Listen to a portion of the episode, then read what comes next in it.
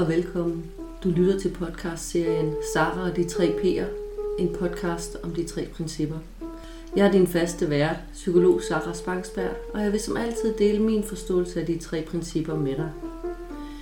Vil du vide mere om mig, kan du gå ind på min hjemmeside saraspangsberg.com. Her finder du også kontaktinfo på mig, hvis du har spørgsmål eller gerne vil bestille tid til en samtale. Når du lytter til podcasten, så mærk efter, hvad der taler til dig, sådan inden under alle de der tanker, der hele tiden kører. Jeg fik aldrig taget orakelkurset på uni, så øh, det giver ingen mening at tro blindt på noget, bare fordi jeg siger det. Jeg har ikke patent på sandheden, men jeg kan bare dele de indsigter og den forståelse, der har været og stadig er hjælpsom for mig. Måske kan du bruge det, måske kan du ikke. Læg mærke til, hvad der resonerer i dig. Tag det, du kan bruge, og lad resten ligge. God fornøjelse.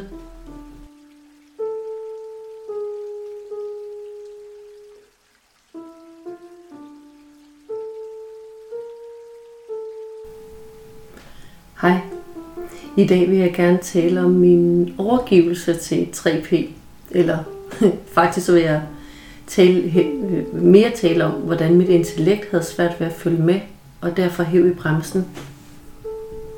Ideen til det her afsnit, det fik jeg af en lytter, øh, Hanne, der skrev til mig, at hun oplever, at hendes tanker står i vejen for, at hun kan sådan synke helt ind i forståelsen, selvom hun samtidig aldrig har hørt noget mere rigtigt. Og det kunne jeg så meget genkende.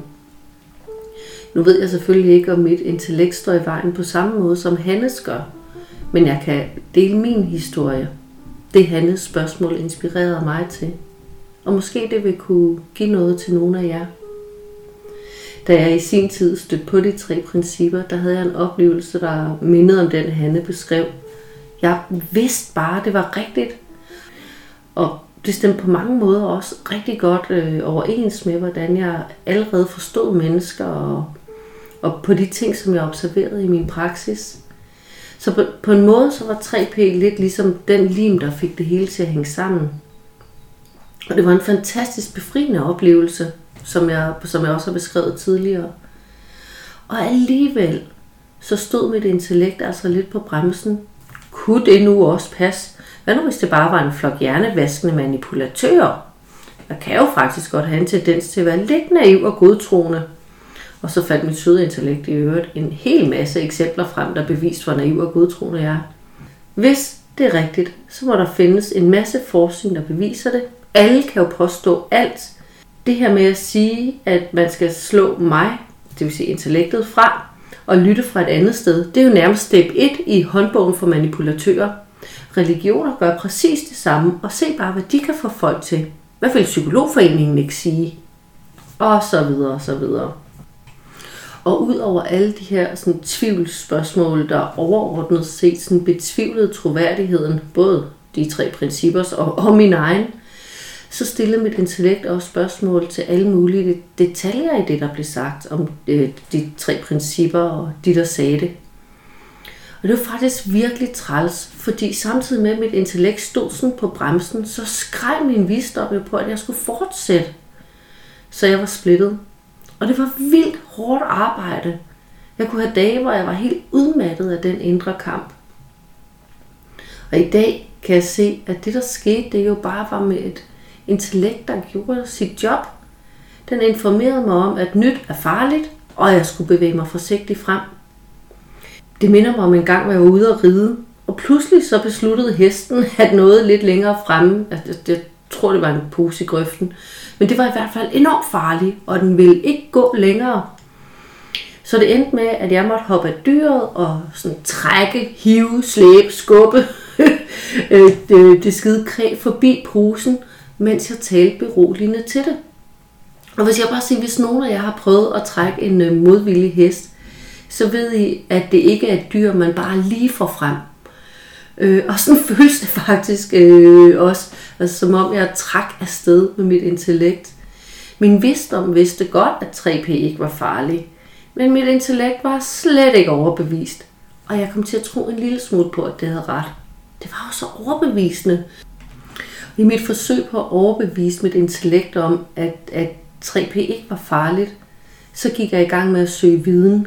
måske det også var lidt for at berolige mit intellekt med, at jeg jo lyttede til dens kritik øh, og faktisk undersøgte tingene.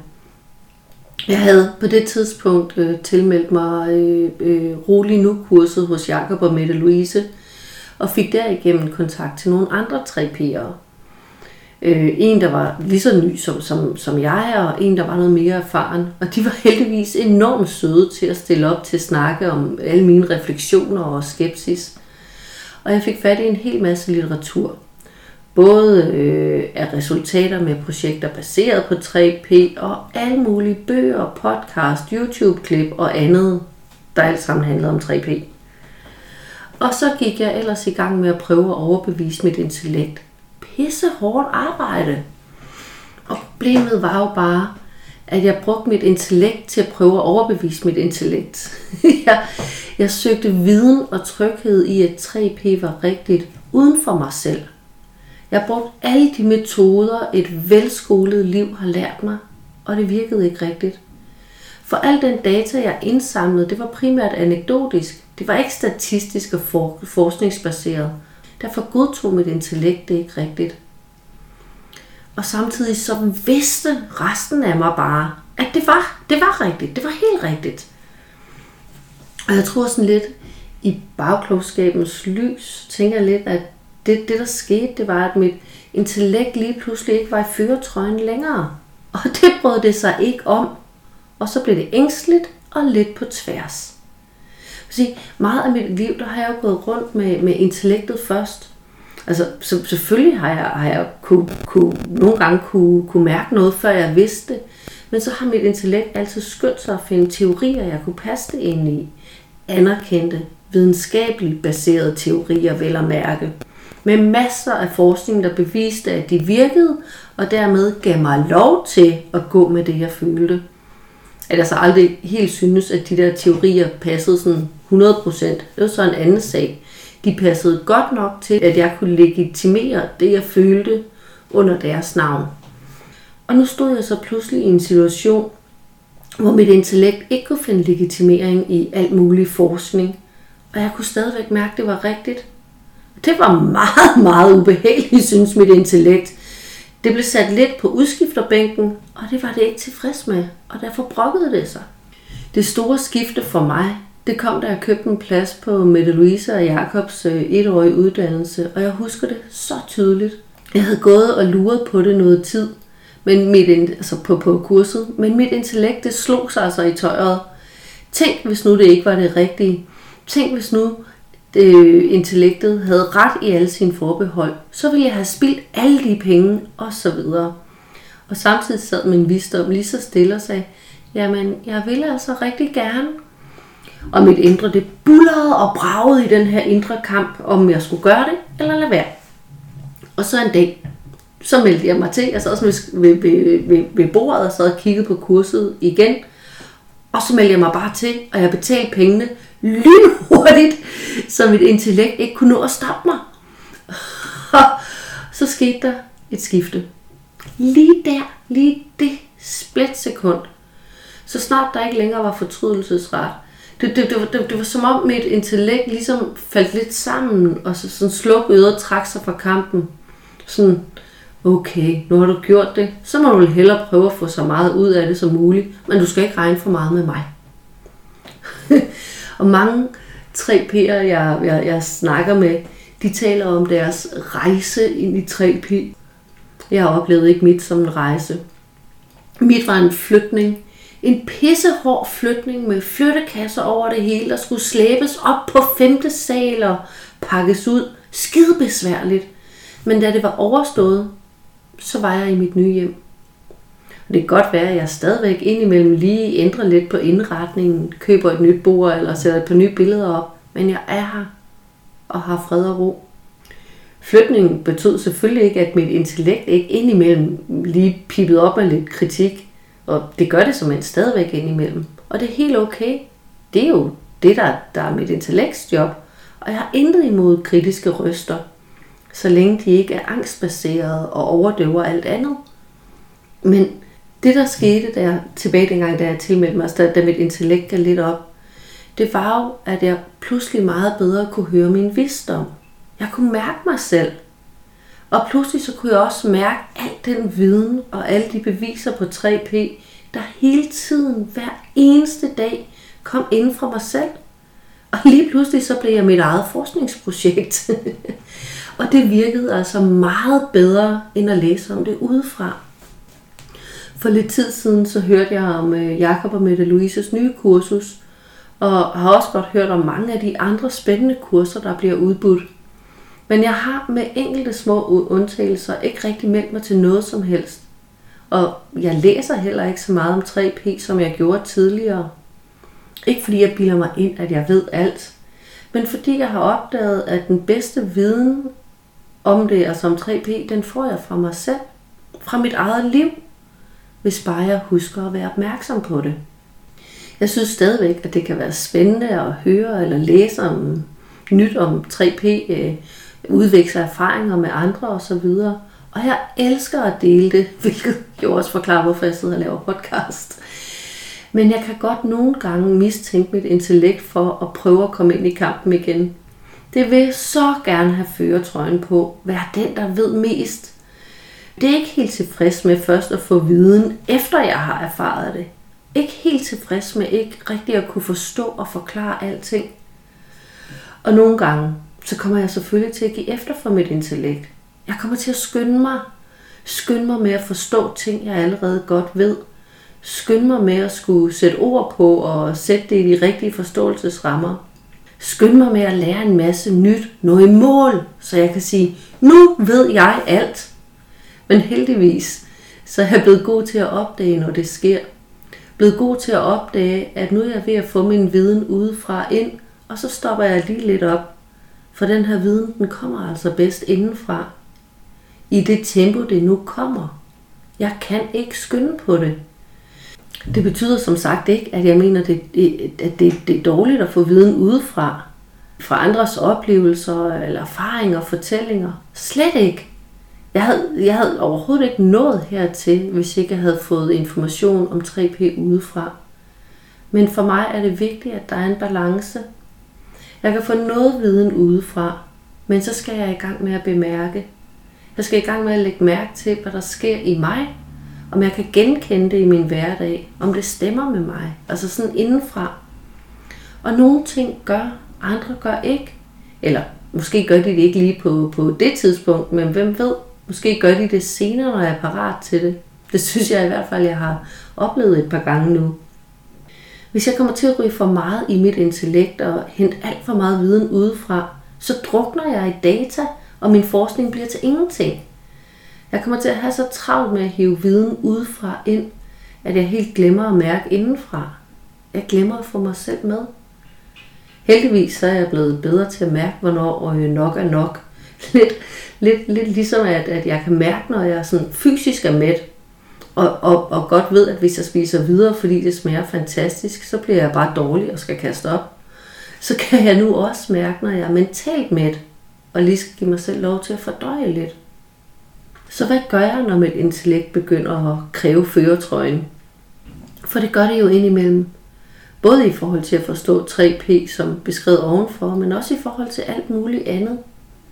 For mig der har det vigtigste været at forstå, at jeg ikke kommer til at slippe af med mine tanker. Mit intellekt er en del af mig, og det producerer tanker. Mange tanker. Og de kan forstyrre mig. Men heldigvis behøver de ikke at gøre det siger det sådan lidt på, på, på, på den her måde. Jeg havde, jeg havde på et tidspunkt en underbo, der larmede helt vildt meget. Han var gamer, og når han sad og spillede, ofte til langt ud på natten, så spillede han mega højt musik imens. Og i starten der blev jeg enormt irriteret over det. Prøvede gentage gange at bede ham om at skrue ned. Om ikke andet så i hvert fald at skrue ned efter to, kl. 22. Øh, og den søde unge mand, han undskyldte hver gang, og han lovede at skrue ned, og to dage efter, så havde han glemt det, og alarmen var tilbage igen. Og så blev jeg irriteret igen. Jeg har taget mig selv i at stå op, som sådan, sådan fra krummerne, stå med et kosteskaft og banke ned i gulvet. Altså, for jeg blev så irriteret. Og jeg begyndte nærmest sådan at gå og vente på, at han skulle larme. Øh, og når han så gjorde det, så var al min opmærksomhed vendt mod hans larm. og mod min egen irritation, og jeg kunne slet ikke hverken sove eller hygge mig i min lejlighed. Men på et eller andet tidspunkt, så gik det op for mig, at jeg ligesom havde to valg. Jeg kunne enten blive ved med at bruge al min energi på at lytte til og være irriteret over hans larm, eller jeg kunne dreje min opmærksomhed væk fra det, og så bare fokusere på det, jeg nu bare gerne ville fokusere på. Og det sjove var, at så snart jeg stoppede med at give larmen opmærksomhed, øh, så irriterede det mig ikke. Og så kunne jeg både sove og se film og alt muligt andet uden problemer. Så hvordan gjorde jeg det? Og hvordan gør jeg nu, når det er mine tanker, der støjer? Jeg tror, det vigtigste for mig er, at jeg opdager, at det er tanker, ikke sandheder. Og dernæst kommer erkendelsen af, at jeg har et valg. Ikke et valg om, hvorvidt tankerne er der. Det har jeg fuldstændig opgivet at styre. Men et valg om, hvor meget opmærksomhed jeg giver dem. Jeg kan give dem min fulde opmærksomhed, eller jeg kan give noget andet min opmærksomhed. Og på den måde er tanker sådan lidt ligesom en fløtende fuld stodder på en bar. Ikke? Giver du ham opmærksomhed, uanset om den er positiv eller negativ, så bliver han sgu hængende. Ignorerer du ham, så staver han på et eller andet tidspunkt videre. og så accepterer jeg, at så længe stodderen, altså tankerne, er der, så er det lidt træls. Men det er okay. Det kan jeg godt dele med. Og i forhold til tankerne, så er det i hvert fald en del af livet. Og nogle gange måske også stodderen. så, så, så det er den ene del. Og derfor så prøver jeg at lytte nedenunder. Lytte nedenunder mit intellekt og ind i min visdom. Jeg er ret øh, visuel, så jeg forestiller mig, at jeg ligesom bukker mig ned under mine tanker. Og når jeg gør det, så er der ro. Sådan lidt ligesom hvis man er til en eller anden koncert, og så sætter sig på hug midt i folkemængden, så dæmpes lyden fra bandet, så man kan høre, hvad hinanden siger. På samme måde så oplever jeg, at når jeg sætter mig mentalt på hug, så dæmpes lyden af tankerne lidt, og så kan jeg høre mig selv. Eller måske nærmere mærke mig selv. Tankerne er der stadig, men ikke helt så larmende. Det er naturligvis ikke sikkert, at mine metoder virker for dig. Måske skal du ud, eller, eller det vil nok sige, at du skal nærmere ind og finde din egen indre billeder og metoder. Måske kan du blive inspireret af det, jeg gør, og måske kan du slet ikke genkende de udfordringer, jeg har stået i. Og det er alt sammen okay. Det vigtige er, at du finder det, der virker for dig, på den ene eller den anden måde.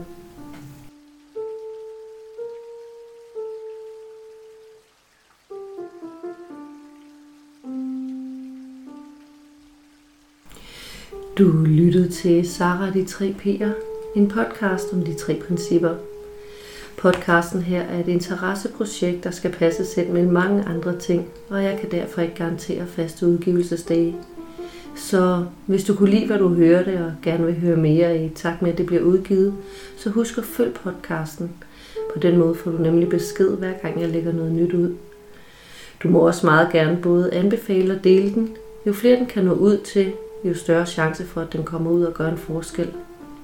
Har du forslag til et emne, du gerne kunne tænke dig at høre min vinkel på, så kontakt mig gerne gennem min hjemmeside sarasbangsberg.com. Inspiration er altid kærkommen. Jeg kan selvfølgelig ikke love, at jeg laver podcast om alle forslag, men jeg læser og svarer i hvert fald alle beskeder. Musikken i podcasten den er komponeret og indspillet i samarbejde med min talentfulde og hjælpsomme ven Anders. Indtil næste gang, husk, livet er her, lige her, i dette øjeblik.